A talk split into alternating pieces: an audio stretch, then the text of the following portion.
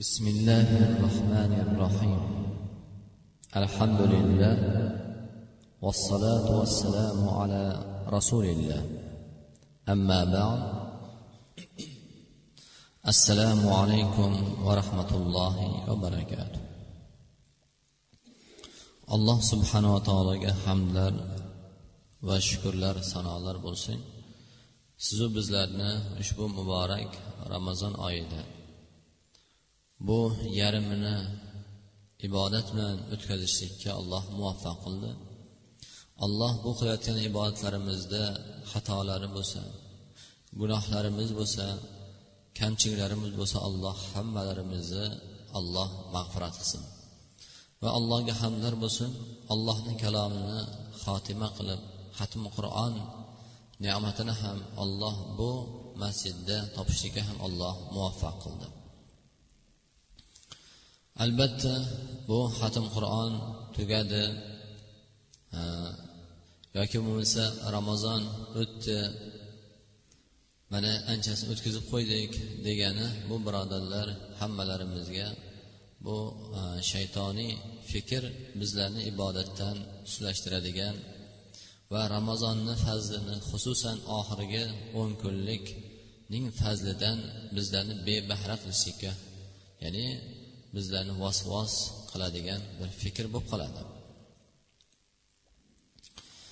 Shuning uchun alloh subhanava taolo birodarlar shuncha umrni bergan zotga shukur hamd aytib qolgan bu ramazonni va qolgan umrlarimizni ham allohga ibodatni juda ko'paytirishligimiz va alloh nasib qilmagan qancha qancha bandalariga nasib etmagan bu kunni alloh sizu bizlarga nasib etganiga allohga shukurni ziyoda qilishligimiz kerak. Va albatta shundagina olloh qolgan umrlarimizni barakotli bo'lishiga ya'ni olloh bir sabab qiladi.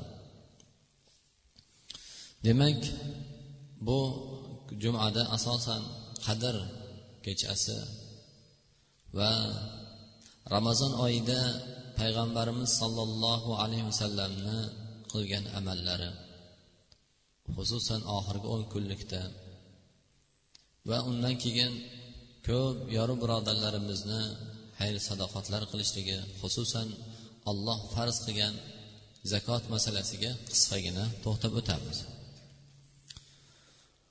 Qadr kechasi birodarlar bu ummatga xos bo'lgan allohni bir fazli.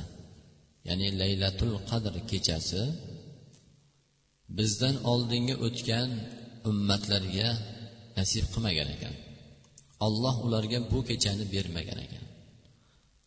Laylatul qadr kechasi muhammad sollallohu alayhi vasallamni ummatiga xos bo'lgan allohning bir fazli. Bu haqida abu hatim ya'ni rahmatulloh alayh rivoyat qilgan ekanlar عن علي بن عروة قال ذكر رسول الله صلى الله صلى الله عليه وسلم يوما أربعة من بني إسرائيل يعني kunlardan bir kuni rasululloh sollallohu alayhi vasallam bani isroil qavmidan to'rt nafar odamni zikr qilgan ekan ya'ni to'rt nafar odamni bani isroil qavmidan ya'ni bizdan oldingi o'tgan ummatdan shularni ya'ni eslagan ekanlar. Ya'ni sahobalarni huzurlarida abadulloh aman lam ayn. Ya'ni sakson yil ibodat qilgan allohga bergan umrida sakson yil allohga ibodat qilgan bir ko'z ochib yumganchalik bo'lgan vaqtda ham birodarlar gunoh ish qilmagan ekan. ya'ni biron marta sakson yil ichida ular allohga hech qanday isyon bo'ladigan gunoh bo'ladigan bir amalni qilmagan ekanlar فذكر أيوب وزكريا وحز وحزقيل بن العجوز ويوشع بن نون يعني o'sha to'rt nafar insonlar ayyub va zakariya va hisqil ibn ajuz va yusha ibn nun قال فعجب أصحاب رسول الله صلى الله عليه وسلم من ذلك ya'ni bu to'rt nafar odamni qilgan ibodatlaridan sahobalar ajablangan ekan. Ya'ni biz ham mana shundoq bo'lamizmikan? Allohga bu bizga beminnat berib qo'ygan ollohni ne'matini ollohni haqqini ado qilishlikda toatida mana shundoq bo'lamizmikan biz ham deb ular ham ajablangan ekan. Chunki birodarlar inson umr bo'yi ollohni toatida gunoh qilmasdan o'tkazishlik bu juda ham qiyin bo'lgan narsa. Bu hech ya'ni xususan bu ummat alloh subhanava taolo ya'ni sifatlagandek gunohdan xoli bo'lmagan. Faatahu jibril mana shu vaqtida sahobalarni taajjublangan bir holatida jibril alayhissalom rasululloh sollallohu alayhi vasallamni keldilar oldilariga u kishi ya'ni jibril aytdilarki ya muhammad ajibat ummatika min nafar sana. Ya'ni sizni ummatingiz sakson yil qilgan bu to'rt nafarni ibodatlaridan ajablandilar. Lam yasu turfatayn qad anzalalloh khayran min zalika faqara alayh. Ya'ni olloh sizlarga undan ham yaxshirog'ini olloh berdi. Olloh sizlarga nozil qildi va o'sha holatda ya'ni audu billahi minash shaytonir rojim bismillahir rohmanir rohim inna anzalnahu fi laylatil qadr va ma adraka ma laylatul qadr. Surasi nozil bo'lgan ekan birodarlar. Demak sababi nuzulga ba'zilar shu rivoyat keltirgan ekan. Boshqa bir rivoyatda payg'ambarimiz sollallohu alayhi vasallamdan rivoyat qilinadiki u zotga ummatini yoshi ko'rsatilgan ekan. Ya'ni bu ummatga berilgan um yosh ya'ni umr ag'mar ummati mabayna sittin va sabin deganlar. Payg'ambarimiz sollallohu alayhi vasallam bu ummatimni yoshi oltmish bilan yetmish o'rtasida bo'ladi. To qiyomatgacha ummatni yoshi oltmish yetmish o'rtasida bo'lar ekan. Lekin bunaqaga yetmishga sakson to'qsonga kirganlar ham bor deb aytishimiz mumkin. Lekin g'oliban juda ko'pchilik umr ko'radigan odam mana shu yoshda bo'lar ekan. G'olib olingan birodarlar. Faqat hamma odam to'qson kun odam bu yetmishdan oltmish yetmish o'rtasida deyilmaydi. Olloh beradi kimgadir qandoq umr lekin g'oliban bu ummatning juda ko'pchiligi ko'radigan umr oltmish bilan yetmish o'rtasida bo'lar ekan. Yoki olloh qanchalik xohlagan umr bergan bo'lsa shu ummatiga hammasini ummatini yoshi umri payg'ambarimizga ko'rsatib bildirilgan ekan.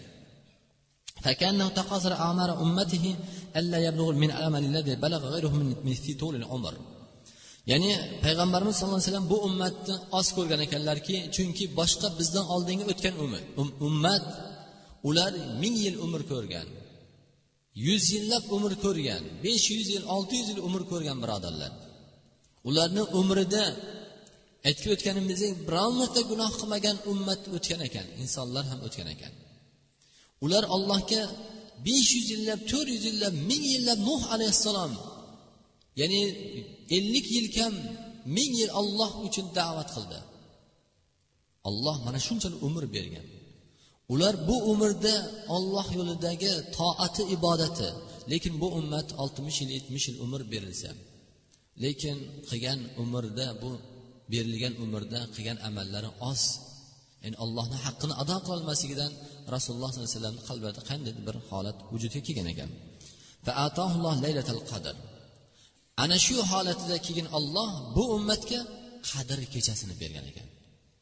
Shuning uchun ulamolar bu qadr kechasi bu ummatga xosmi yoki o'tgan ummatlarga ham berilganmi degan masalada ushbu rivoyatni keltirishgan ekan.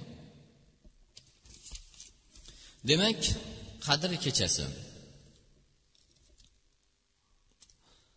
Qadr kechasi nima uchun laylatul qadr ya'ni qadr kechasi deb ataladi? Bu haqida o'sha qadr surasida ulamolarimiz tafsirda juda chiroyli qilib keltirgan ekanlar. Lekin avval rasululloh sollallohu alayhi vasallamdan bir hadislari kelgan ekan. Bularni avval tanishib chiqamiz. Ravohul buxoriy an aisha roziyallohu anhuma عنها أن رسول الله صلى الله عليه وسلم تحروا ليلة القدر في الوتر من العشر الأواخر في رمضان demak oysha onamiz roziyallohu anhu aytadilarki rasululloh sollallohu alayhi vasallam aytdilar qadr kechasini oxirgi o'n kunlikni vitr ya'ni tok kechalaridan axtaringlar degan ekan ya'ni oxirgi o'n kunlikni qadr kechasini oxirgi ramazonni oxirgi o'n kunligini tok kechalaridan axtaringlar degan ekan Va yana imom buxoriy abu hurayra roziyallohu anhudan rivoyat qilgan hadisda kim agar ramazon oyida iymon bilan ya'ni bu ro'zani olloh menga farz qilib berdi bu ollohni buyurgan amri bu ibodat degan iymon bilan tasdiq bilan va buni evaziga ollohni tutilgan ro'zani evaziga allohning huzuridan bu ro'zador bandasiga beriladigan ajr savobni mukofotni umid qilib ya'ni iymon keltirgan holatda ro'za tutadigan bo'lsa alloh barcha gunohlarni mag'firat qiladi yana kim qadr kechasida iymon bilan bu qadr kechasi olloh qur'onda zikr qilgan rasuli sunnatlarda bayon qilingan bu ollohni amri qadr kechasi bayon qilingan bu kecha muborak bu kechani fazini bilgan holatida iymon keltirgan holatida buni kechani savobini mukofotini bilgan umid qilgan holatda kim qadr kechasini o'tkazadigan bo'lsa uni barcha oldingi o'tgan gunohlarini olloh mag'firat qiladi deb aytdilar. Demak birodarlar qadr kechasi yana takror eslaymiz. Bu laylatul qadr kechasi bu kechada o'tkazilgan kechani bedor o'tkazilgan va toat ibodat bilan o'tkazilgan bu kecha boshqa qadr kechasi bo'lmagan oydan ming yil ya'ni ming oydan ko'ra yaxshiroqdir. Bir kecha qadr kechasi qadr kechasi bo'lmagan boshqa ming oydan ko'ra yaxshiroqdir. Nimasi bilan? Agar shu kechani topishlik bilan shu kechani toat ibodat bilan ya'ni iymon bilan umid bilan ya'ni allohni va rasulini sunnatiga muvofiq holatda o'tkazadigan bo'lsa birodarlar ming oydan ko'ra yaxshiroqdir. Bu kecha faqat demak muhammad sollallohu alayhi vasallamni ummatiga xos sizu bizga xos. Bizdan oldingi o'tgan ummatlarda demak bu kecha berilmagan ekan. Ibn umar roziyallohu anhu aytadilarki rasululloh sollallohu alayhi vasallam qandoq o'tkazardi? Bu oxirgi o'n kunlikni. Min ramazon muttafaqun alayh. Imom buxoriy va imom muslim rivoyat qilgan hadisda rasululloh payg'ambarimiz sollallohu alayhi vasallam oldingi va kelasi gunohlari ham mag'firat qilingan zot birodarlar. Oldingi va kelasi gunohlarni ham olloh kechirgan mag'firat qilgan zot oxirgi ana shu o'n kunlikda e'tikof holati o'tkazar ekan. Oysha onamiz roziyallohu anhu aytadilarki payg'ambarimiz sallallohu alayhi vasallam oxirgi o'n kunlikda e'tikof o'tkazardi ramazonni oxirgi o'n kunligida. Vafot topgungacha. To ramazon farz bo'lgandan keyin to umrni oxirigacha oxirgi o'n kunlikda ramazonni oxirgi o'n kunligida e'tikof holatda o'tkazar ekan. Va u zotdan keyin vafot qilgandan keyin xotinlari ayollari onalarimiz e'tikofini davom etkazdi deb imom buxoriy imom muslim rivoyat qilgan ekan. Endi e'tikof nima? E'tikof bu payg'ambarimiz sollallohu alayhi vasallamni sunnat bo'lgan amallari sunnat amallari bu e'tikof erkak kishi masalan erkaklarga masjidda jami masjidda eng yaxshi e'tikof degan masjidil haromda ya'ni makka mukarramadagi masjidil haromda e'tikof o'tkazishligi ya'ni oxirgi o'n kunlikda. Demak oxirgi o'n kunlikka kirishda o'n to'qqizinchi kuni demak qubayl mag'rib shomdan oldin e'tikof o'tiradigan odam masjidga kiradi. Demak eng yaxshisi masjidi haromda makkada undan keyin masjid nabaviyda so'ngra masjid aqsoda va so'ngra jomiy masjidlarda o'tiriladi. O'n kun. O'tirgan odam nima qiladi? O'tirgan e'tikof o'tirgan odam ta'lim va taallum uchun emas. Endi dars olib dars berishi uchun emas birodarlar. Faqat qur'on o'qib ollohni zikr qilib kechalar tunlarni bedor qilib ollohni uyida zikr qilingan holatda o'tiriladi. Lahu bema'ni befoyda g'iybat so'zlar o'tirilmaydi birodarlar. E'tikofga ya'ni topiladigan ajr savobga halal yetkazadigan amallar bo'ladi birovni g'iybati bilan va hashaha qilib ya'ni boshqa savdo sotiqni qilib o'tirmaydi degan. Shuning uchun oxirgi o'n kunlikda jami masjidlarda masalan inson o'sha yotari uyqusi kechasi ham kunduz kuni ham mana shu masjidda toat ibodatni o'tkazadi. O'rtada suhbat ta'lim dars bunaqa narsaga ya'ni bo'lmas ekan. Faqat e'tikof o'tirgan odam zikr qilib qur'on o'qib ollohni eslab namoz o'qib nafl namozlari mana shu holatda o'tkazadi. Faqat tashqariga zarurat bo'lgandagina chiqadi. Hojat tahorat uchun yoki bo'lmasa u odamni ya'ni saharlik iftorlikni olib kelib beradigan bironta bir odam bo'lmasa o'shanga zarur chiqishi mumkin yoki labud chiqishligi lozim bo'lgan holati bo'lsa yoki bir mahalla masjidda bo'lsa jomiy masjid juma namozini ado qilish uchun mana shu o'rinlardagina chiqadi xolos birodarlar. E'tikof mana shu narsa. Inson ya'ni umrida hech bo'lmasa bir marotaba rasululloh sollallohu alayhi vasallamni ushbu sunnatlariga amal qilib qo'yishlik albatta shu sunnat ahlidan bo'lib qolishiga qiyomat kunida bu shaksiz va shubhasizdir inshaalloh. Yoki bo'lmasa ba'zi ulamo aytgan ekanlarki hech bo'lmasa bir kunmi bir kecha kunduz ikki kecha kunduzmi? Ya'ni mana shu holatda o'tkazishlik yaxshi ekan. Osha onamiz roziyallohu anhu aytadilarki payg'ambarimiz sollallohu alayhi vasallam fi ramazon ma la fi g'ayri fil ashr awakhir. Minhu ma la yajtahid fi g'ayrihi ya'ni boshqa oylarda qilmagan toat ibodatlarni ya'ni ko'p qilmagan amallarni ramazon oyida qilardilar degan ekanlar. Hamma tomondan. Haligi aytganimizdek o'tgangi jumada aytdik sadoqatlar bo'lsin xayr ehsonlar bo'lsin duolar bo'lsin nafl namozlar bo'lsin ya'ni qur'onni ta'lim zikr ya'ni tilovat bo'lsin yoki bo'lmasa tasbeh takbir tahmid bo'lsin. Jamiki boshqa oylarda juda ko'p qilolmagan amallarni ramazon oyida ko'paytirar ekanlar. Va xususan ushbu ramazon oyini oxirgi o'n kunligida qolgan ramazon oyini yigirma kunligida qilmagan ibodatlarni ham oxirgi o'n kunlikda ko'paytirar ekanlar. Haligi nafl namozlari kechalari bedor o'tkazib toat ibodatda zikrda ibodatda bo'lishligi yoki sadaqat xayr amallari. Shuning uchun ham bu oyda birodarlar bugun o'n beshinchi kun bo'ladigan bo'lsa e, yana besh kundan keyin oxirgi o'n kunlik. Biz oxirgi o'n kunlikda qilar ekanmiz demak o'shani bir ko'paytirar ekanmiz degan birodarlar bizga tulil amal bunaqangi fikr kelmasin. Chunki biz oxirgi o'n kunlikka qaysimiz yetamiz qaysimiz yetmaymiz buni olloh biladi. Oysha onamiz yana aytadilarki yo rasululloh agar men in alimtu ayya laylatin laylatul qadr ma aqulu fiha? Agar laylatul qadr kechasini bilsam shu kecha laylatul qadr ekan deb shu kechani bilsam nima qilay? Qaysi bir amalni qilay? deb so'radilar. Shunda aytdilarki oysha onamizga payg'ambarimiz sollallohu alayhi vasallam allohma innaka afuvun tuhibbul afu anni. Ravohu termiziy imom termiziy rivoyat qilgan hadisda ushbu duoni ko'p aytgan. Ey parvardigoro sen afu qilguvchi zotsan. Chunki afu qilguvchi zot alloh subhanava taolo birodarlar ojizligidan ollohni kechirishi ollohni mag'firati u zotni ojizligidan yoki boshqadan emas.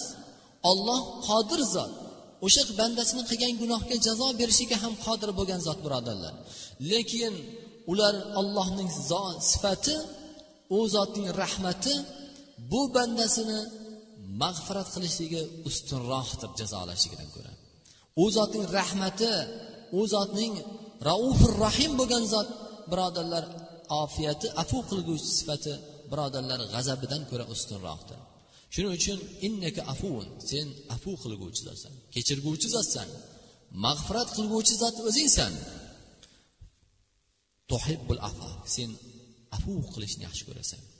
Qarangki olloh biza har qancha gunoh qilsak ham allohga tavba tasarruf qiladigan bo'lsak yalinib yolvorib allohga haqiqatan ham inobat qiladigan bo'lsak birodarlar olloh kechirar ekan. Har qancha gunoh qilsak birodarlar. Shuning uchun bir o'ylamaylik biz shuncha gunoh qildim deb. Vaholanki allohni rahmati kengdir bizni gunohimizdan ko'ra. Agar biz haqiqiy tavba qiladigan bo'lsak alloh albatta kechiradi birodarlar. Sen albatta afu afiyatni afu qilishni yaxshi ko'rasan. Fafu anni. Ya'ni meni afu qilgin. Gunohlarimni mag'firat qilgin. Chunki birodarlar bu yalinib yolvorishlik bu zotni ya'ni ojizligidan emas bu zot qodir bo'lib turib jazoga ham bu bandasini qilgan gunohlarimizga jazo berishiga har soniyada qodir bo'lgan zot alloh subhanava taolodan biz birodarlar afu so'rayapmiz. Shuning uchun olloh yaxshi ko'rar ekan. Shuning uchun bir sahobiy keldi rasululloh sollallohu alayhi vasallamni oldiga ya rasululloh meni gunohim shundoq bir ulkanki agar meni gunohim yer yuziga tarqaladigan bo'lsa yer yuzini yer ahlini halok qiladi dedilar. Menga tavba qilsam olloh kechiradimi? deb so'radi. Shunda payg'ambarimiz raufur rohim olloh mehribon zot olloh gunohlarni kechirguvchi zot dedilar. Va payg'ambarimiz aytdilarki sen guvoh keltirganmisan iymon keltirganmisan? An tashhadu an la ilaha illalloh va anna muhammadan abduhu rasuluh deb. Dedilar haligi sahoba aytdilarki yo rasululloh inni ashhadu an la ilaha illalloh va anna muhammadan abduhu va rasuluh dedilar. Idan bihal hasanat. Demak sen iymon keltirgan bo'lsang agar tavba qilgan bo'lsang olloh nima? Seni bu qilgan gunohlaringni yaxshi solih amallarga aylantiradi. Hammasini kechiradi dedilar.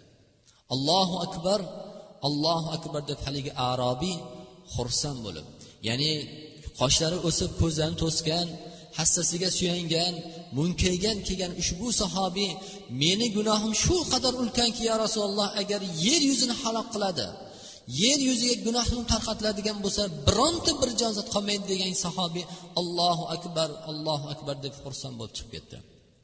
Bir shart sharti nima bilan birodarlar? Tavbatan nasuha ya'ni haqiqiy tavba bilan. Shuning uchun alloh subhanahu vallazina idza fa'alu fahishatan aw zalamu anfusahum zakarulloh fastaghfiru li dhunubihim wa man yaghfiru dhunuba illalloh wa lam yusiru ala ma fa'alu wa hum ya'lamun. Ular agar bir fohish gunoh ish qiladigan bo'lsa yoki nafslariga zulm qiladigan bo'lsa ollohni eslaydilar ollohdan gunohlariga mag'firat so'raydilar. Allohga tavba qiladilar.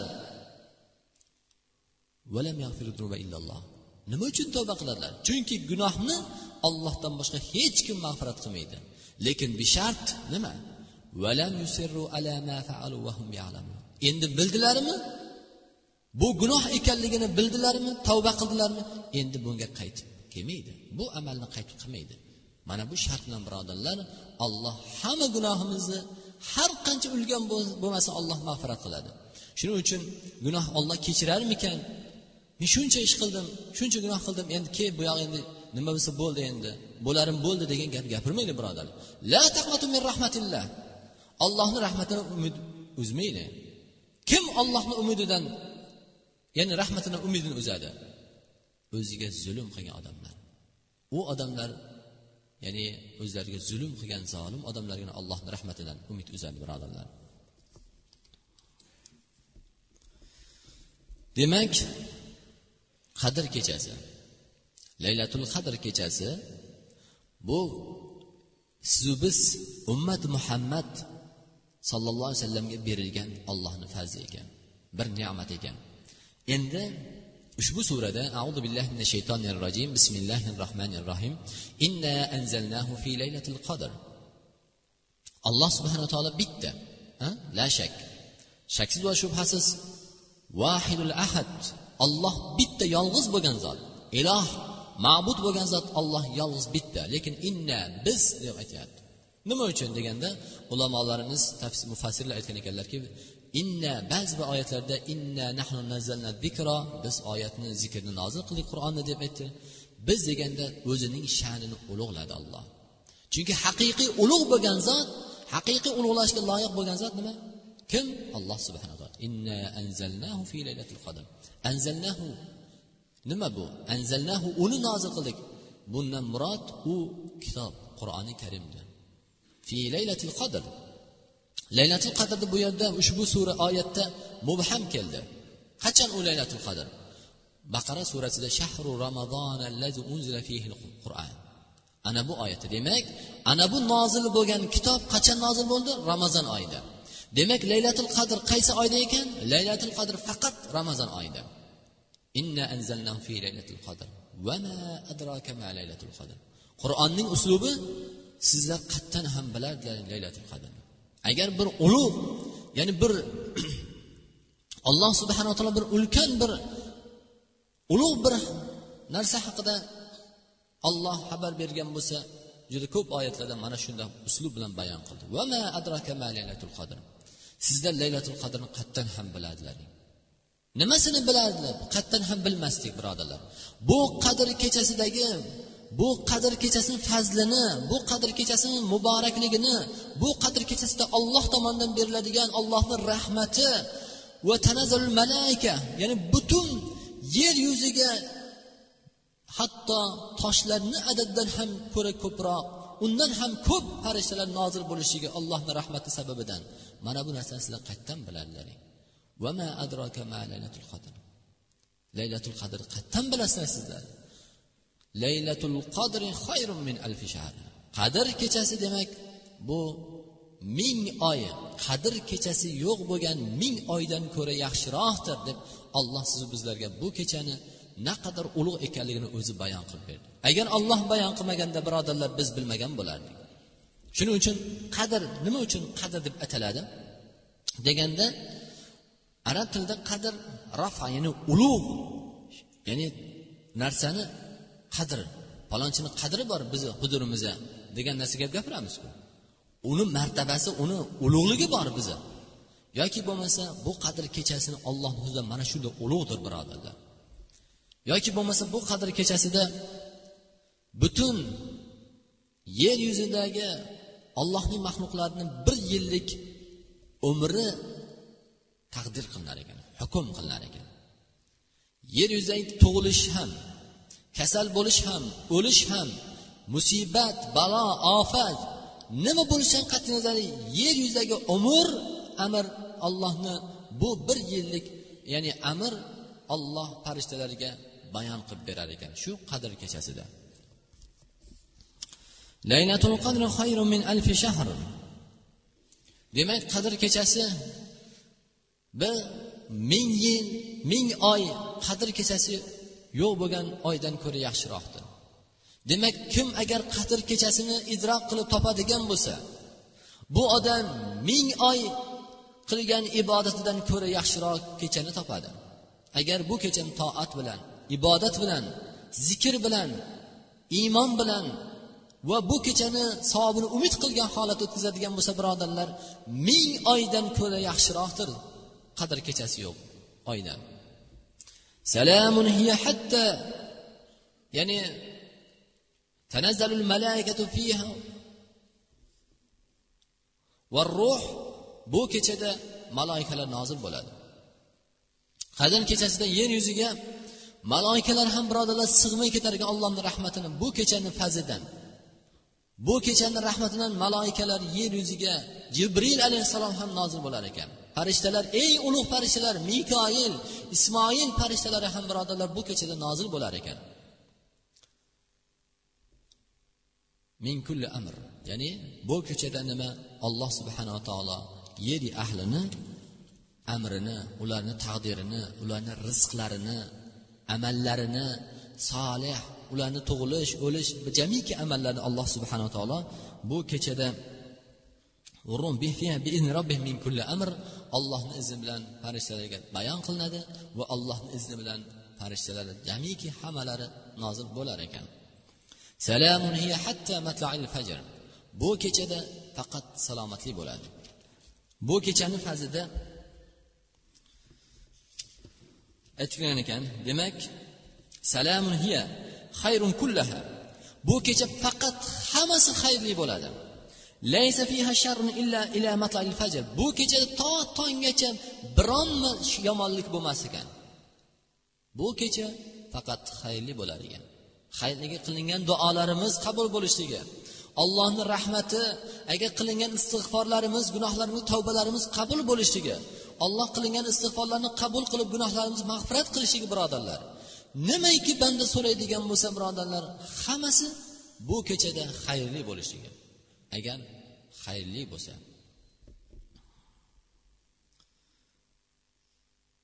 Endi qadr kechasi haqida birov yigirma yetti yigirma yettinchi o'tar kechasi boshqa boshqa aytilamiz birodarlar rasululloh sollallohu alayhi vasallam bu kechani tayin qilmadi. Alloh subhanaa taolo nima uchun tayin qilmadi? Bu ham bizga ollohni rahmati ekan. Biz faqat yigirma oltidan yigirma yettiga o'tar kechasi qadr kechasi uxlamasdan o'tkazadigan bo'lsak shu kechani uxlamasa o'tkazsak annahu qadr kechasini topgandek o'zimiz his qilamiz birodarlar. Yo'q unaqa emas ekan. Mubham holatda qoldi. Aniq bo'lmadi qadr kechasi to qiyomatgacha bu ham ollohni rahmati ekan. Agar biz biladigan bo'lsak sababi oxirgi o'n kunlikda har kuni banda qadr kechasi shu kundir. Mana shu kun qadr kechasi deb uxlamasdan toat ibodatda qilib chiqishligi birodarlar shoyat birodarlar bu inson toat ibodatni ko'paytirishi o'ziga foyda. Istig'forni zikrni ko'paytirish o'ziga foyda. Shuning uchun ham allohni bu birodarlar rahmati ekan. Lekin ulamolar ixtilof qilishdi sahobalar ham ixtilof qilishdi. Bu kecha qaysi kecha? Lekin hadislarga ko'p hadislarga muvofiq demak tok kunlarda deyishdi. Hamma kuni.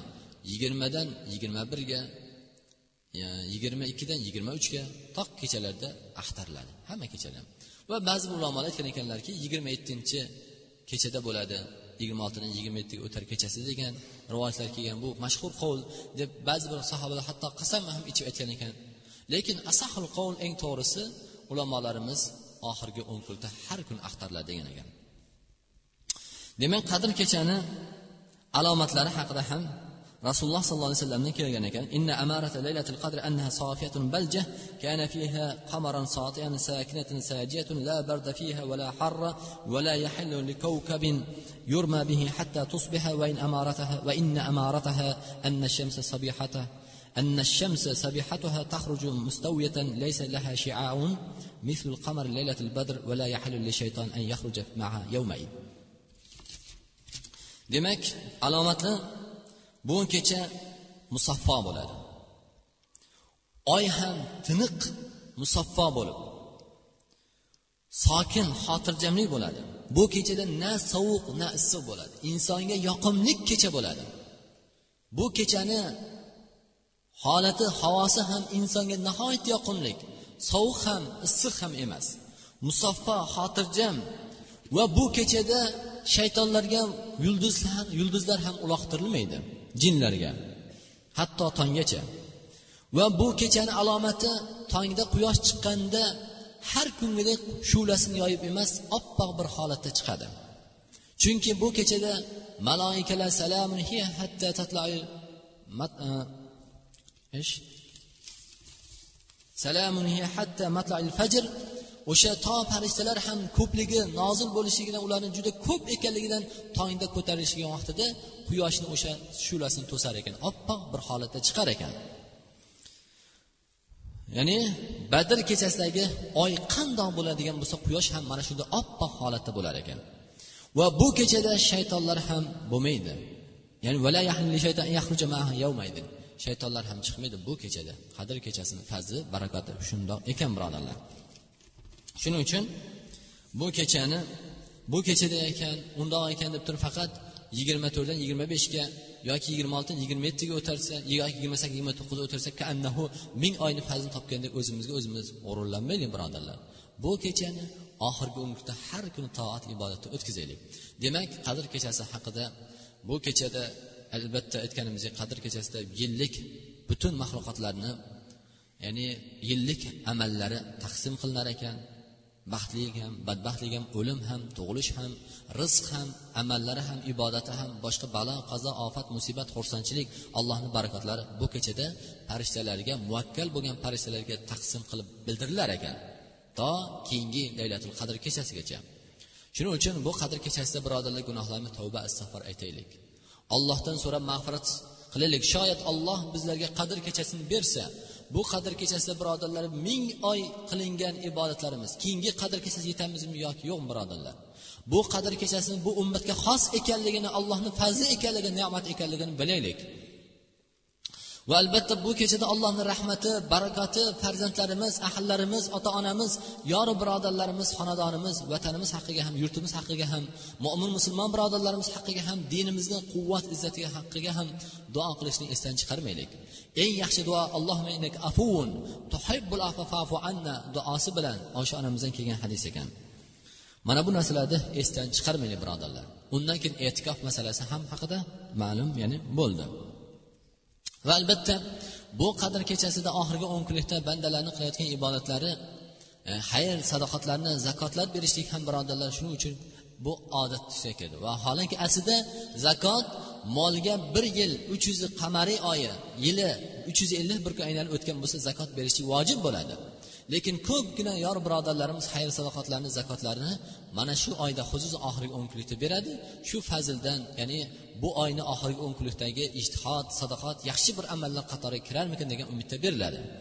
Zakot albatta bu mo'min musulmonlarga alloh tomonidan qilib berilgan farz. Boy badavlat bo'lsa moli hisob nisobga yetgan bo'lsa birodarlar bu odam zakot berishiga farz. Namoz o'qishlik qandoq farz bo'lsa bu ham shundoq farz. Haj qandoq farz bo'lsa bu ham shundoq farz. Ro'za qandoq farz bo'lsa bu zakot berishlik ham shundoq farz birodarlar. Alloh subhanaa taolo qur'oni karimda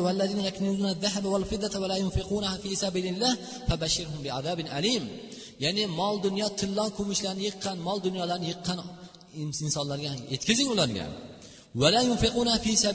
olloh yo'lida infoq qilmasa zakotini uni haqqini ado qilmaydigan bo'lsa fabashshirhum bi azabin alim. Ularga alamlik azob borligini ularga yetkazing dedilar. Kim agar zakoti mol dunyo nisobi yetsa zakot berishlikka lekin zakotini bermasa birodarlar fabashshirhum bi azabin alim. Buni alamlik azobi bordir oxiratda. Lekin dunyoni o'zi ham moliga talofat baraka ko'tarilishligi birodarlar bu ham allohni dunyoda beriladigan alamlik azoblariga bo'lib qoladi. Yana alloh vala yahsabanna allazina yabkhaluna bima atahumulloh min fadlihi huwa khayran lahum bal huwa sharrun lahum sayutawwaquna ma bakhilu bihi yawmal qiyamah. Ular o'ylamasinki ollohning fazli bilan berilayotgan mol dunyoni ular baxillik qilmasin. Ular men o'zim aqlim bilan men kuchim bilan kuch quvvatim harakatim bilan topyapman deb ular ollohni fazli bilan berilayotgan mol dunyoni o'zlarini o'ylamasinlar. Bunda gumonga bormasinlar. Bunday gumonga borib ular men o'zim topyapman xohlasam beraman xohlamasam bermayman deb baxillik qilmasinlar. Albatta bu ularga yaxshilik keltirmaydi. Vaholanki bu ular uchun faqat yomonlikdir. Qancha birodarlar agar mol dunyomiz qancha ko'payishlik bilan birodarlar shuncha uni so'roq savoli bor. Halaluha hisobun va haramuha azabun. Haloldan topgan mol dunyoga haloldan yegan luqmangizga hisob berasiz. Haromuha azabun. Haromiga azob bor birodarlar. Ular baxillik qilib uni molini haqqini zakotini sadoqatini kambag'al faqirlarga yetim yesinlarga o'rniga sarf qilmaganlarga albatta qiyomat kunida ularni o'zlariga azob qilib ularga yuklatiladi bo'ynlariga rasululloh sollallohu alayhi vasallamni aytadilarki vakana jibril? Jibril alayhissalom ramazon oyida har kuni har kecha rasululloh sollallohu alayhi vasallam bilan uchrashadilar demak bu uchrashuvi qaysi bir holatda noma'lum. Bizga bu muhim ham emas. Alloh subhanava taolo qaysi bir holatda jibril alayhissalomni uchrashishni iroda qilgan bo'lsa o'sha holatda uchrashgan. Demak bu bahsga biz kirishmaymiz. Demak payg'ambarimiz sollallohu alayhi vasallamdan ramazon oyida har kechada uchrashadilar payudarisul qur'an. Qur'onni o'qirdilar. Ya'ni payg'ambarimiz jibril alayhissalomga payg'ambar ya'ni qur'onni o'qib o'tkazar ekanlar. O'rtasida qur'onning mudarasasi ta'lim va taallimi bo'lar ekan. Va rasululloh sollallohu alayhi vasallam jibril alayhissalom bilan uchrashganda hatto min rihl mursala tez keladigan insonga yoqimli bo'ladigan shabodadan ham ko'ra yaxshiroq bo'lib ketardi. Shunaqangi bir chiroylik rasululloh sallallohu alayhi vasallam xushbo'y hidi u zotning yuzlarida ham shunaqangi muomalada ham shunaqangi insonga yoqimlik hamisha yoqimli bo'lgan yana ham chiroyli holatga keladi deb sifatlagan ekanlar. Demak ramazon oyida payg'ambarimiz sollallohu alayhi vasallam jibril alayhissalom bilan bu qur'onning ya'ni mudorasa qilar ekanlar. Shuning uchun sizu biz ummatlariga ham olimlarni siyratlari ham qur'onning ramazon oyida hamma ishlarni tashlab qur'on ta'lim va taallimiga o'targan qiroatiga xatm qilishlikka o'targan. Usmon ibn affan roziyallohu anhu ramazon oyini har kecha kunduzda bir, bir kecha kunduzda bir marta xatm qilar ekan.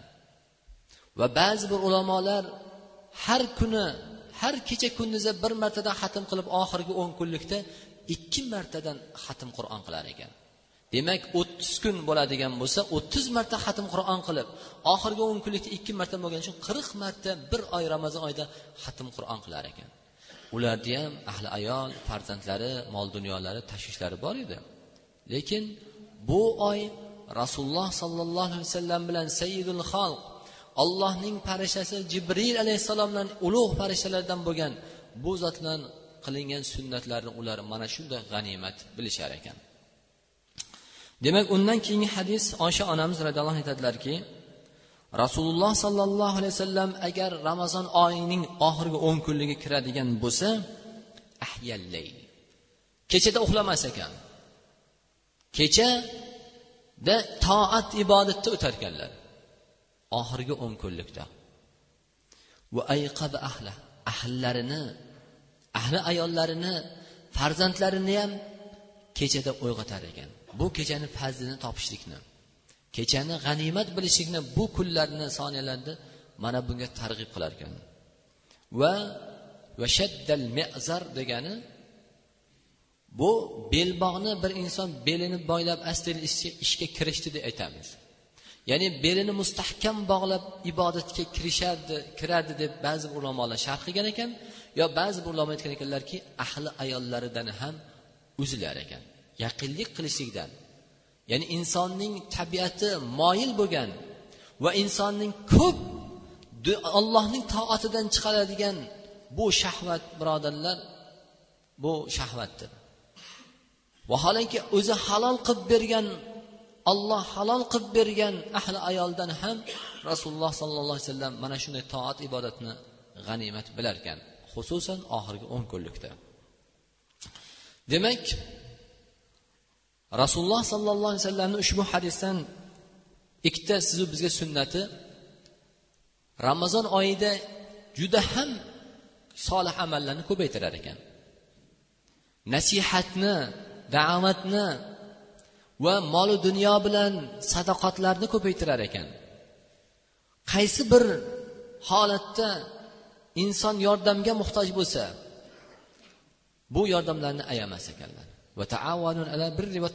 Alloh subhanava taolo sizu bizga ya'ni yaxshilik yo'liga taqvo yo'liga yordam qilishlikka buyurdi. Hamisha. Va xususan ramazon oyida hammalarimiz ushbu amallarni ko'paytirishimiz kerak ekan. Ya'ni mol dunyo bilan qiladigan sadaqat kuch quvvat bilan qilinadigan yordam bo'lsin. Yoki bo'lmasa bir birodarimiz bizni maslahatimizga fan nasihatga muhtoj bo'lsa buni ham to'xtatmaslik buni ham ko'paytirishi kerak ekan. Hamisha qilish kerak lekin xususan ramazon oyini bular bu amallarda ramazonning barakatidan g'animat bilishimiz kerak ekan. Undan keyingi bob babu fadlu suhur va taxiru va taxirihi ma'lam yaxsha tuluul fajr. Babu fadlu suhuri. وتأخيره ما لم يخشى طلوع الفجر عن أنس رضي الله رضي الله عنه قال قال رسول الله صلى الله عليه وسلم, صلى الله عليه وسلم تسحروا فإن في السحور بركة متفق عليه demak sizu biz ummatlariga ro'za tutayotgan odam saharlik qilishlikka buyurdi albatta saharlikda baraka bor dedilar Har birimiz demak modomiki agar saharlikka tongdan oldin saharlikka turishlikka olloh muvaffaq qildimi bu inson saharlik qilib qo'yishi kerak. Ekan hech bo'lmasa bir luqma yoki bir qultum suv ichib saharlik qilib qo'yishlik kerak ekan. Hech bo'lmaganda og'izni bir ollohning ne'matini yopishlik. Albatta bunda baraka bor dedilar. Eng avvalo baraka bu rasululloh sollallohu alayhi vasallamni saharlik qilinglar degan sunnatiga amal qilishlik bilan bu olloh baraka beradi. O'sha odamni rasululloh buyurgan ekan sunnatlari ekan deb saharlik qilgan odamni saharligi sababidan alloh subhanava taolo buni duolarini va buni tutayotgan ro'zasiga baraka berishligi va ro'zador holatida qilayotgan amallarini solih amallarni ko'paytirishligiga gunoh amallardan saqlanishiga vallohu alam baraka berishiga. Va albatta undan keyin saharlik qilgan odam ollohni toatida kunduz kun ibodatda baquvvat bo'lishiga va kasb qiladigan bo'lsa kasbda ham baquvvat bir holatda bu ro'zani mashaqqatlan ya'ni malollanmagan holatda o'tkazishligi birodarlar baraka bo'lar ekan. وعن زيد بن ثابت رضي الله عنه قال تسحرنا مع رسول الله صلى الله عليه وسلم ثم قمنا إلى الصلاة قيل كم كان بينهما قال قدر خمسون آية متفق عليه zayd ibn sabit aytgan ekanlarki rasululloh sollallohu alayhi vasallam bilan birga saharlik qildik so'ngra namozga ya'ni bomdod namoziga turdik shunda so'rashgan ekanki zayd ibn sabitdan saharlik qilib og'izlaringni yopganlaringdan keyin namozni o'rtasida qancha vaqt bor edi deb so'ralgan ekan. Unda u zot aytgan ekanlarki ellik oyat ya'ni tajvid bilan tartil bilan qur'onning tilovat qilinganda ellik oyat ya'ni o'qiladigan vaqt qolardi degan ekanlar. Saharlik bilan bomdod namozini vaqti kirishligini o'rtasida demak bomdod namozini o'rtasida ya'ni ellik oyat o'qiladigan miqdor qolar ekan chunki bomdodga ozon aytilgandan keyin turib darhol turib sunnatni ado qilishlik namozga shoshilishlik bu albatta ellik oyat taxminan o'n o'n besh daqiqalik vaqt olinadi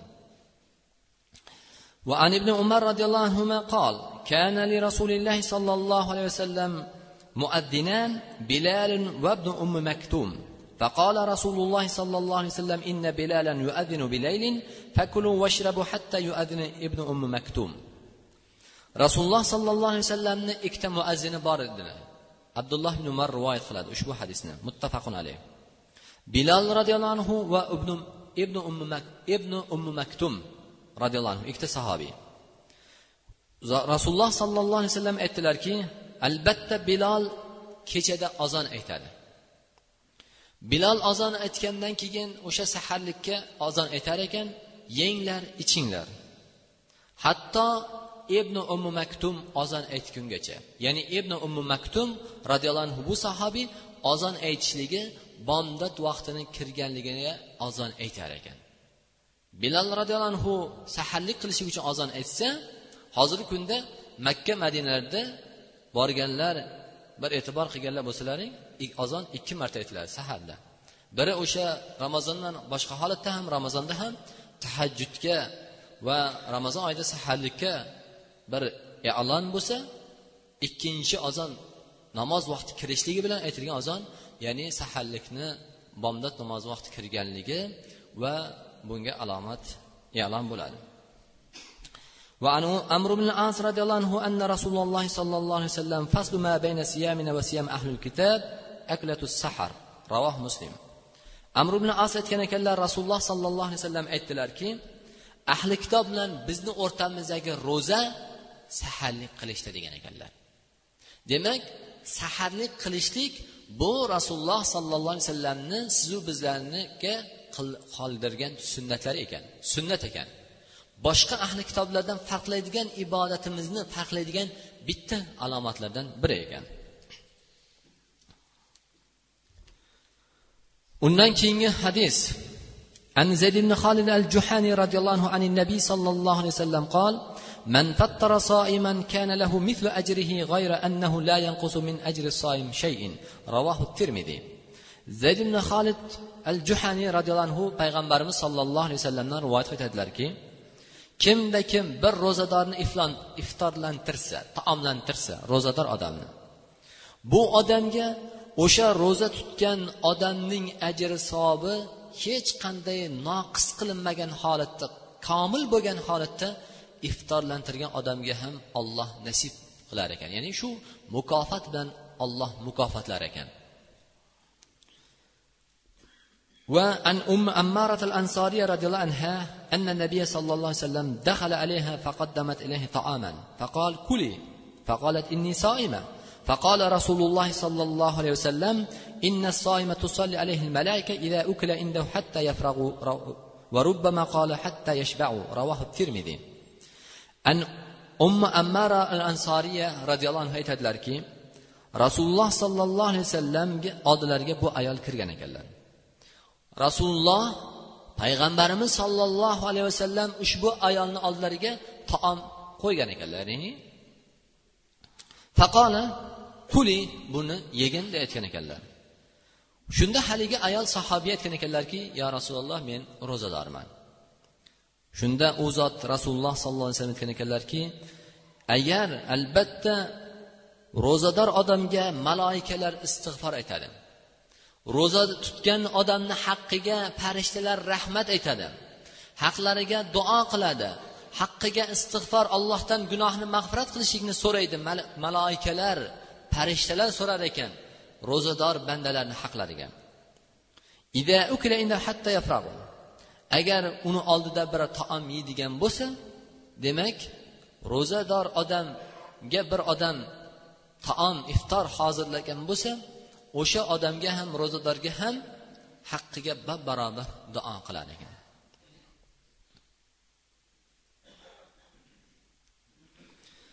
Demak va an anas roziyallohu anna nabiy sollallohu alayhi vasallam ja ila sad ibn ubada sad ibn ubada roziyallohu anhu oldiga rasululloh sollallohu alayhi vasallam keldilar. Fajaa bi xubzin va zayt haligi sahobiy yog' bilan non olib keldilar rasulullohni huzurlariga. Fa akala. Rasululloh sollallohu alayhi vasallam yedi. Haligi taomdan iftor qildilar. Summaqol payg'ambarimiz sallallohu alayhi vasallam duo qildi. Aftara indakum soimun va akala taamkum abror va sallat alaykum malaika ravohi abu davud demak payg'ambarimiz sollallohu alayhi vasallam sizu biz bir birodarimiz mehmondorchilikka chaqirsa birovni xonadoniga borib taom yeydigan bo'lsak u xonadonni egasini o'lgan eshagini ham hamma yog'ini duo qilib emas bizga rasululloh sollallohu alayhi vasallam juda chiroyli bir duoni o'rgatib ketdilar. Aftara indakum soimun va akala taomukum abror. Ya'ni sizni xonadoningizda ro'zadorlar taomlansin. Birodarlar bundan yaxshi duo bo'lmasa kerak. Va sizni taomingizni solihinlar yesin. Ollohdan qo'rqadigan taqvo qalb egalari taomingizni yeyishlikka alloh muvaffaq qilsin. Va sollat alaykum va abror ya'ni yaxshi solih odamlar taomingizni yesin va maloikalar farishtalar sizga salovatlar aytsin degan duoni qilishni qilishimiz kerak ekan birodarlar. Kirib besh marta o'n martadan hammasini bitta qo'ydirmasdan duo qilib malollanmasdan yoki noshar'iy bir holatlar ham bo'lmasdan eng yaxshi duo bir odam sizni taomga chaqirsa allohni atiman atamana vasqiman saqona parvardigora bizlarni taomlantirgan bu xonadon sohibini taom egasini sen o'zing taomlantirgin. Va o'zing bu birodarimizni sug'orgin. Va mana bu rasululloh sollallohu alayhi vasallamni ro'zadorlar taomlansin xonadoningizda. Sizni taomingizni solihinlar yesin. Birodarlar sizni hammamizni ham xonadonimizda solih ollohdan qo'rqadigan taqvo qalb egalari taom yeydigan bo'lsa bu taom uchun hech qachon so'ralmaymiz. Bu evaziga olloh juda ulug' ulug' mukofotlar beradi. Bundan ortiq birodarlar taomingizni yegizganingizda bundan ortiq baxt bo'lmaydi. Va sollat alaykum malaika maloikalar haqqingizga ya'ni duo qilsin degan. Shu duoni birodarlar o'rganib qo'yishimiz kerak ekan. Demak ramazon oyi qur'on oyi deb aytdik. Jibril alayhissalom bilan muhammad sollallohu alayhi vasallam payg'ambarimiz bu oyda har yili ramazon oyida qur'onning ya'ni takror qilishar ekan. Qur'onni o'qishar ekan. Va xususan oxirgi vafot topadigan yilida ikki marotaba bu oyda o'rtalarida qur'onning mudorasi bo'lib o'tgan ekan. Albatta alloh subhanava taolo qur'onni sizu biz uchun olloh rahmat qilib nozil qildi. Qur'oni karimda toha surasida audu billahi minash shaytonir rojim bismillahi rohmanir rohim toha ma anzalna alaykal qur'ana litashqo illa tazkiratan liman yaxsha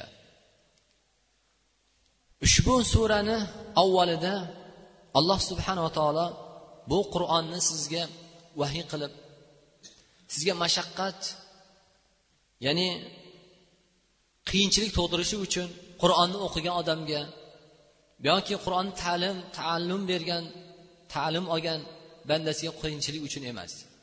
Yoki alloh subhana taolo hech qandoq bir bandasiga bu qur'onni nozil qilishlik sizlarga qiyinchilik uchun mashaqqat uchun bir malollantirish uchun biz nozil qilmadik.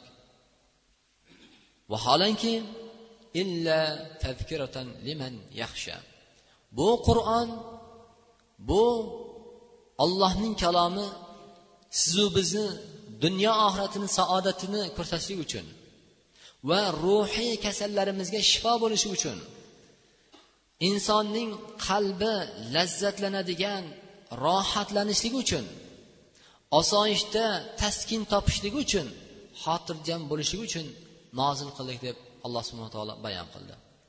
Endi bu illa tadkiratan tadkir eslatadigan amriga amal qilishlik nahiysidan qaytishlik kimga? Liman yaxsha. Agar bandaning qalbida zarracha bir qo'rquv bo'lmas ekan alloh subhanaa taolodan bu qur'on tadkir bo'lmas ekan.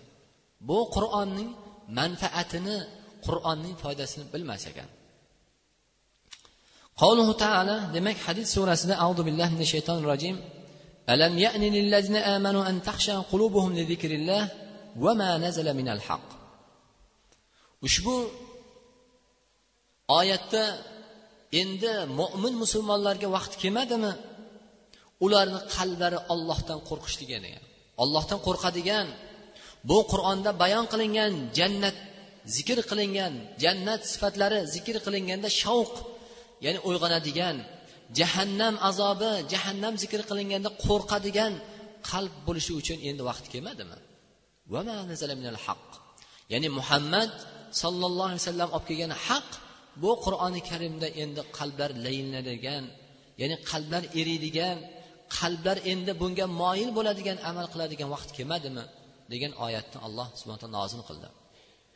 Haqiqatan ham birodarlar qur'oni karimda inson boshidan oxirigacha o'qib chiqqanda hamma ya'ni bir e, insonga ta'sir qilmasligi mumkin. Yoki hammasini o'qiganda inson albatta keyin bu qur'onda rohatini topadi deb aytmaymiz. Qaysidir bir bitta oyatni tadabbur bilan ixlos bilan eshitligi sababidan alloh qalbiga hidoyat berishi mumkin.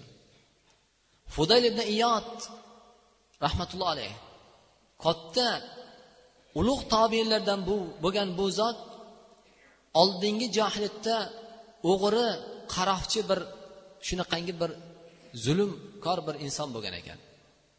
Hatto namozxonlar ham bomdod namoziga chiqishga qo'rqar ekan kechasi. Shu fudayilga ko'chada ro'para kelib qolmayin deb. Buni zulmidan buni yomonligidan qo'rqar ekan. Yo'lda kunlardan bir kun o'tib ketayotgan vaqtida bir xonadonni uyni darchasidan shu'la chiqib turgan ekan ya'ni yorug'lik. Shunda fudal ibn iyod aytgan ekanki bo'z yo'lda yarim kechada inson boshqa hech kim uyg'oq bo'lmaydi faqat mol dunyosi ega bo'lgan odam uyg'oq bo'ladi. Yo bu uyda o'sha pulni sanayapti kunduz kuni savdo qilgan savdogar bo'lsa o'sha pulni sanayapti shekilli degan gumon bilan bir o'sha uyni darchasini ko'radigan daraxtga chiqqan ekan. Shu vaqtida chiqsa bir kishi namoz o'qiyotgan ekan.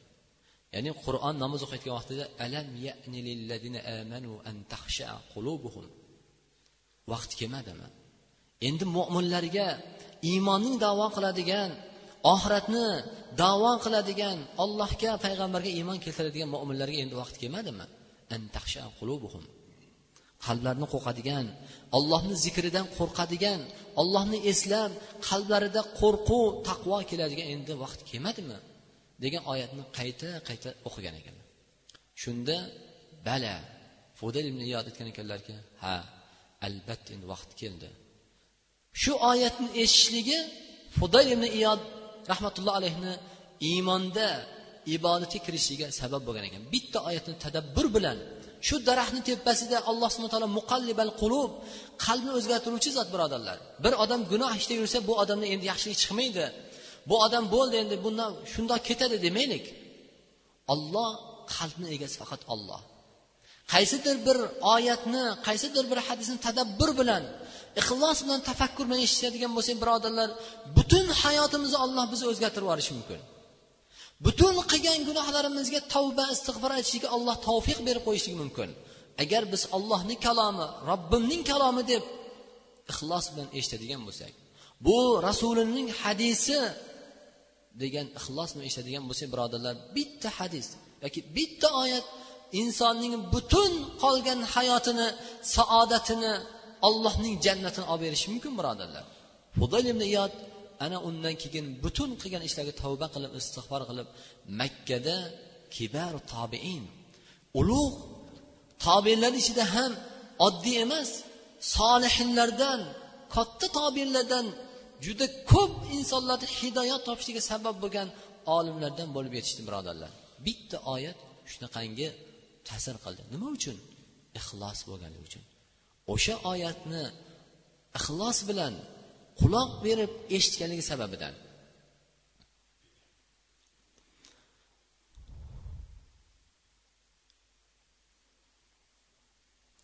Albatta birodarlar hammalarimiz qiyomat kunida yaqul ya laytani qaddamtu li hayati. Qiyomat kunida shunday eslar ekanmiz. Yaqul ya laytani koshkiydi hayotimda men solih amal qilsam edi. Ey attang attang. Hayotiy vaqtida olloh menga umr bergan ekan menga ilm bergan ekan menga kuch quvvat bergan ekan menga molu dunyo bergan ekan. Menga ramazon oylarini idrok qilib ramazon oylarida umr bergan ekan olloh koshkiydi o'shanda solih amal qilsam deb. Koshkiydi o'shanda men ollohni buyurgan amallarni amal qilganimda edi degan hamma birodarlar payg'ambarlar ham solihinlar ham sahobalar ham hamma shu birodarlar mana shu afsus nadomatni qilar ekan. Yaqul ya laytani koshkiydi o'sha dunyoda qilganimda. Chunki u holatimizda birodarlar hechimiz birontamiz bir tiyin sadaqa qilishlikka yoki bir og'iz so'z aytishlikka qodir bo'lmas ekanmiz. Rasululloh sollallohu alayhi vasallam sizlar qiyomat kunida yalang'och o'sha qandoq dunyo kelgan bo'lsa ana shundoq bir holatda yig'ilasizlar dedilar. Hufatan o'rlan g'o'rlan shunda oysha onamiz roziyallohu anhu aytgan ekanlarki yo rasululloh ya savata e o'sha kunda qanaqa bo'ladi u kunda? Biz erkak ayollar yalang'och hamma odamdan tortib to qiyomatgacha keladigan odam bo'lsa hammasi yalang'och bironta bir libos yo'q. Unda erkak ayollar qandoq bir bir birimizdan qochamiz deganda al amru ashaddu min ya'ni u kunda bo'ladigan hisob u kunda bo'ladigan holat birovni avratiga qarashlikka birovni holatiga badaniga qarashlikka insonda vaqt ham bo'lmas ekan birodar hayoliga ham kelmas ekan. Ana shundoq sifatladilar. Demak birodarlar juda afsus qilinadigan.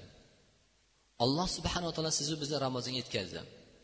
Rasululloh sollallohu alayhi vasallam qaysi bir inson من أدرك رمضان ثم لا يغفر له رغم أنف رجل من أدرك رمضان ثم لا يغفر له kim ramazon oyiga hayot kelsa olloh umr bersa lekin ramazon oyida gunohlari mag'firat bo'lmasa bu odamni alloh xor qilsin burni yerga ish qilsin deb duo ibat qilgan ekan alloh subhana taolo sizu bizga umr berdi ramazon oyida hayot bo'lib turishlikka alloh umr berdi bu alloh ne'mati edi lekin bu oyda ro'za tutmaslik yoki bo'lmasa alloh subhana taolo sizga mana bizga ollohni masjidlari ochiq uylari ochiq ibodat qilishlikka alloh bir ne'mat berdi.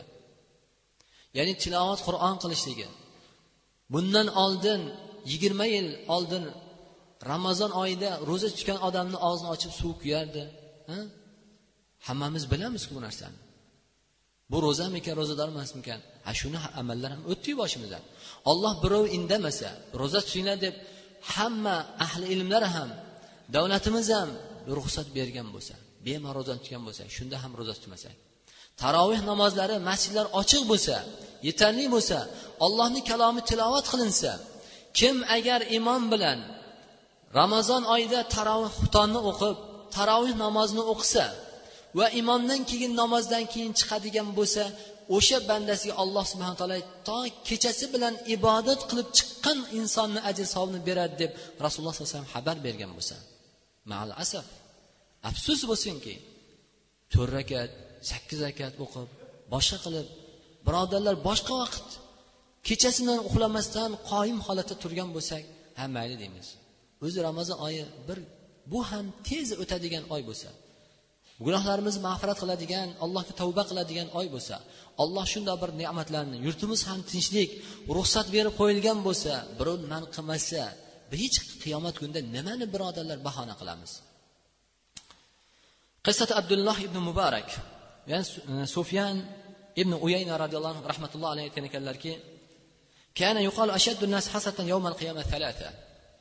Qiyomat kunida eng qattiq hasrat afsus nadomat qiladigan toifa uchta odam bo'ladi degan ekanlar.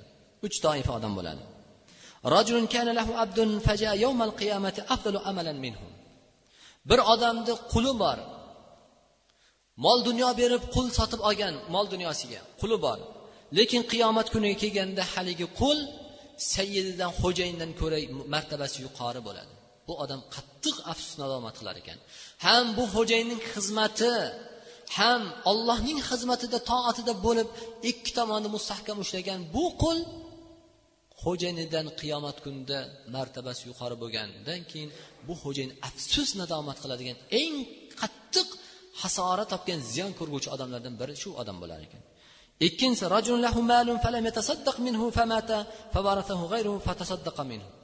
bir odamga alloh subhana taolo mol dunyo bergan olloh moli dunyo bergan. Uni sadaqa qilmagan. Bolamga qoldiray bolasiga bolalarni ko'zi qiymasdan imorat qurib boshqa boshqa bilan olib faqat maishat ayshak o'tkazgan. Lekin bu odam vafot qilib ketdi mol dunyosi boshqa merosxo'rlariga meros bo'lib qoldi.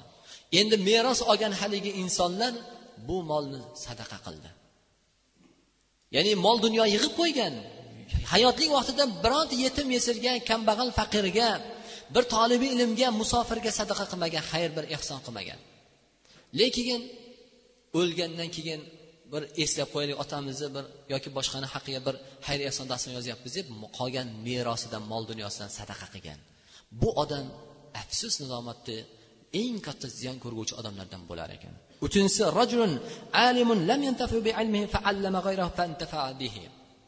Bir odamga olloh ilm bergan bir ilmni halol haromni bildi va alloh subhana taolo boshqa ko'p bandalarga bermagan ilmni o'qishlik bilanmi eshitishlik bilanmi olloh nasib qildi. Lekin boshqasiga o'rgatdiyu o'zi amal qilmadi. Bu odam ham afsus nadomat qiladigan odamlardan bo'lar ekan qiyomat kunida. Birodarlar shuning uchun olloh bergan umrni o'zimiz g'animat bilaylik. Farzandlarimiz orqamizda qoladigan farzandlar bizlarga haqqilarimizga xayr sadoqatlar qilishi mumkin. Lekin o'zimiz hayoti bo'lgan vaqtimizda qilib qolaylik birodarlar. Abdulloh ibn umar muborak roziyallohu anhu rahmatullohi alayh oldilariga bir kishi qarz so'rab kelgan ekan. Shunda qancha qarz? Yetti yuz dirham qarzi bor. Bunda vakiliga xat yozib bergan ekan. Shuni olib borib bersang falonchiga seni o'sha qarzingni ado qilishga pulni beradi. Olib borib bergandan keyin haligi odam aytgan ekanlarki sen abdulloh ibn muborak bu olim bo'lgan muhaddis bo'lgan lekin juda boy badavlat inson bo'lgan. Qancha so'ragan eding abdulloh ibn muborakni desa yetti yuz dirham so'radim degan ekanlar. Shunda xatda abdulloh ibn muborak yetti ming dirham yozgan ekan. Va haligi vakil bor borib so'ragan abdulloh ibn muborakdan qaytarib xatni jo'natgan ekan. Yetti yuz dirhammi? Yetti ming dirham. Xatda yozilganini bergin degan ekan abdulloh ibn muborak bu odamni aytgani emas xatda yozilganini bergin. Mana shunchalik sahiy bo'lgan birodarlar. Va bir odam juda baxil odam bo'lgan ekan. Muhammad ibn solih rahmatullohi aytadilarki o'sha hozirgi kunda juda baxil odam bo'lgan ekan. Hatto ahli ayollari ham birovga yaxshilik qiladigan bo'lsa yo'lini to'sar ekan. Birovga sadaqa qiladigan bo'lsa qo'ni qo'shnisiga kambag'al faqirlarga shunga ham baxillik qilar ekan. Kunlardan bir kuni tushida qiyomat qoyim bo'libdi. Va qiyomat qoyimda tepasiga bir parda kelib uni uchta ya'ni o'sha yirtiq joyi bor ekan u ham keyin to'silibdi. Tushida shunday holat bo'lgan. Keyin so'rasa ahli ayolidan bir beva bechoraga bitta libos sadaqa qilgan ekan ko'ylagini. O'sha ko'ylagini uchta yirtiq joyi bor ekan keyin ayoli yana uchta xurmo ham sadaqa qilgan ekan. O'sha libos haligi erni qiyomat kunida boshiga sayobon bo'lib va haligi ayoli bergan uchta xurmo yirtiq joylariga yamo bo'lib o'sha qiyomatdagi ya'ni issiq azobidan saqlashiga o'sha narsa sabab bo'lgan ekan. Undan keyin ahli ayollarni o'zi ham ahli ayollarni ham sadaqatdan ya'ni man qilmagan ekan xayr ehsondan. Shuning uchun birodarlar bu hammasi rasululloh sollallohu alayhi vasallamni sizu bizga bergan ta'lim tarbiyalari boshqa oylarga nisbatan ham ramazon oyida hamma tomonlama birovga yordam qilishlikda ham birovga yaxshilik qilishlikda ham muomalada ham ya'ni har bir tomondan ibodatda ham birodarlar ko'paytirar ekan. Alloh bizlarga ham hammalarimizga alloh shundoq muvaffaq qilsin.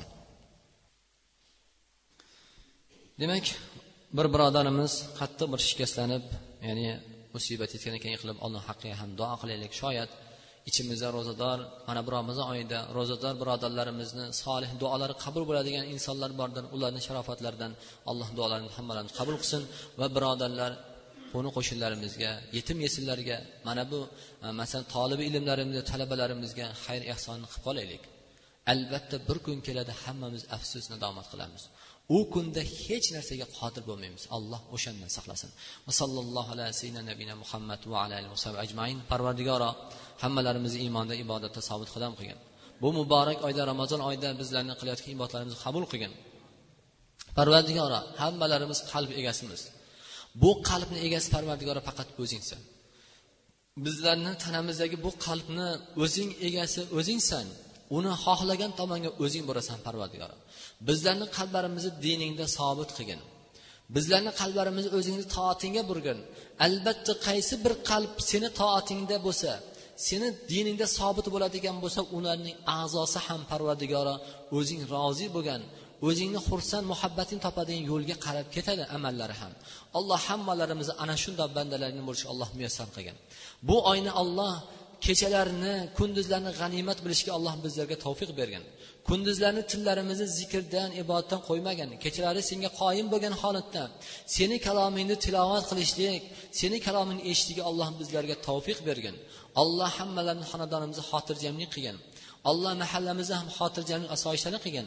Yurtimizni ham parvardigor musibatdan ofatlardan olloh o'zing asragin yurtimizni ichki fitnalardan tashqi dushmanlardan olloh o'zing saqlagin vatanimizni ham barakotli qilgin musibatlardan osmondan yerdan keladigan alloh musibatlardan alloh o'zing saqlagin gunoh yo'lda yurgan adashib yurgan birodarlarimizga alloh o'zing tavfiq bergin rahbarlarimizga ham xayrli shar'iy ishlarga alloh rivoj bergin bir birlarimizni alloh hammalarimizni mehr muhabbatli qilgin bu oyda parvardigor bir birlarini orqamizdan g'iybat qilmaslik bir birlarini tuhmat qilmaslik bir birlarini zulm qilmaslik alloh bizlarga muvaffaq qilgin ahli ayollarimizni alloh o'zingni ibodatini bardavom qilgin allohumma ijal xayra umrina axira وخير عملنا خواتمه وخير أيامنا فيه يوم نلقاك اللهم إنا نسألك الهدى والتقى والعفاف والغنى وصلى الله على سيدنا نبينا محمد parvardiga duo talab bo'lgan birodarimizga alloh dardlariga shifo bergin va parvardigar bir birodarimizni musibat kelgan ekan alloh bu musibatni ko'targin ishlariga rivoj bergin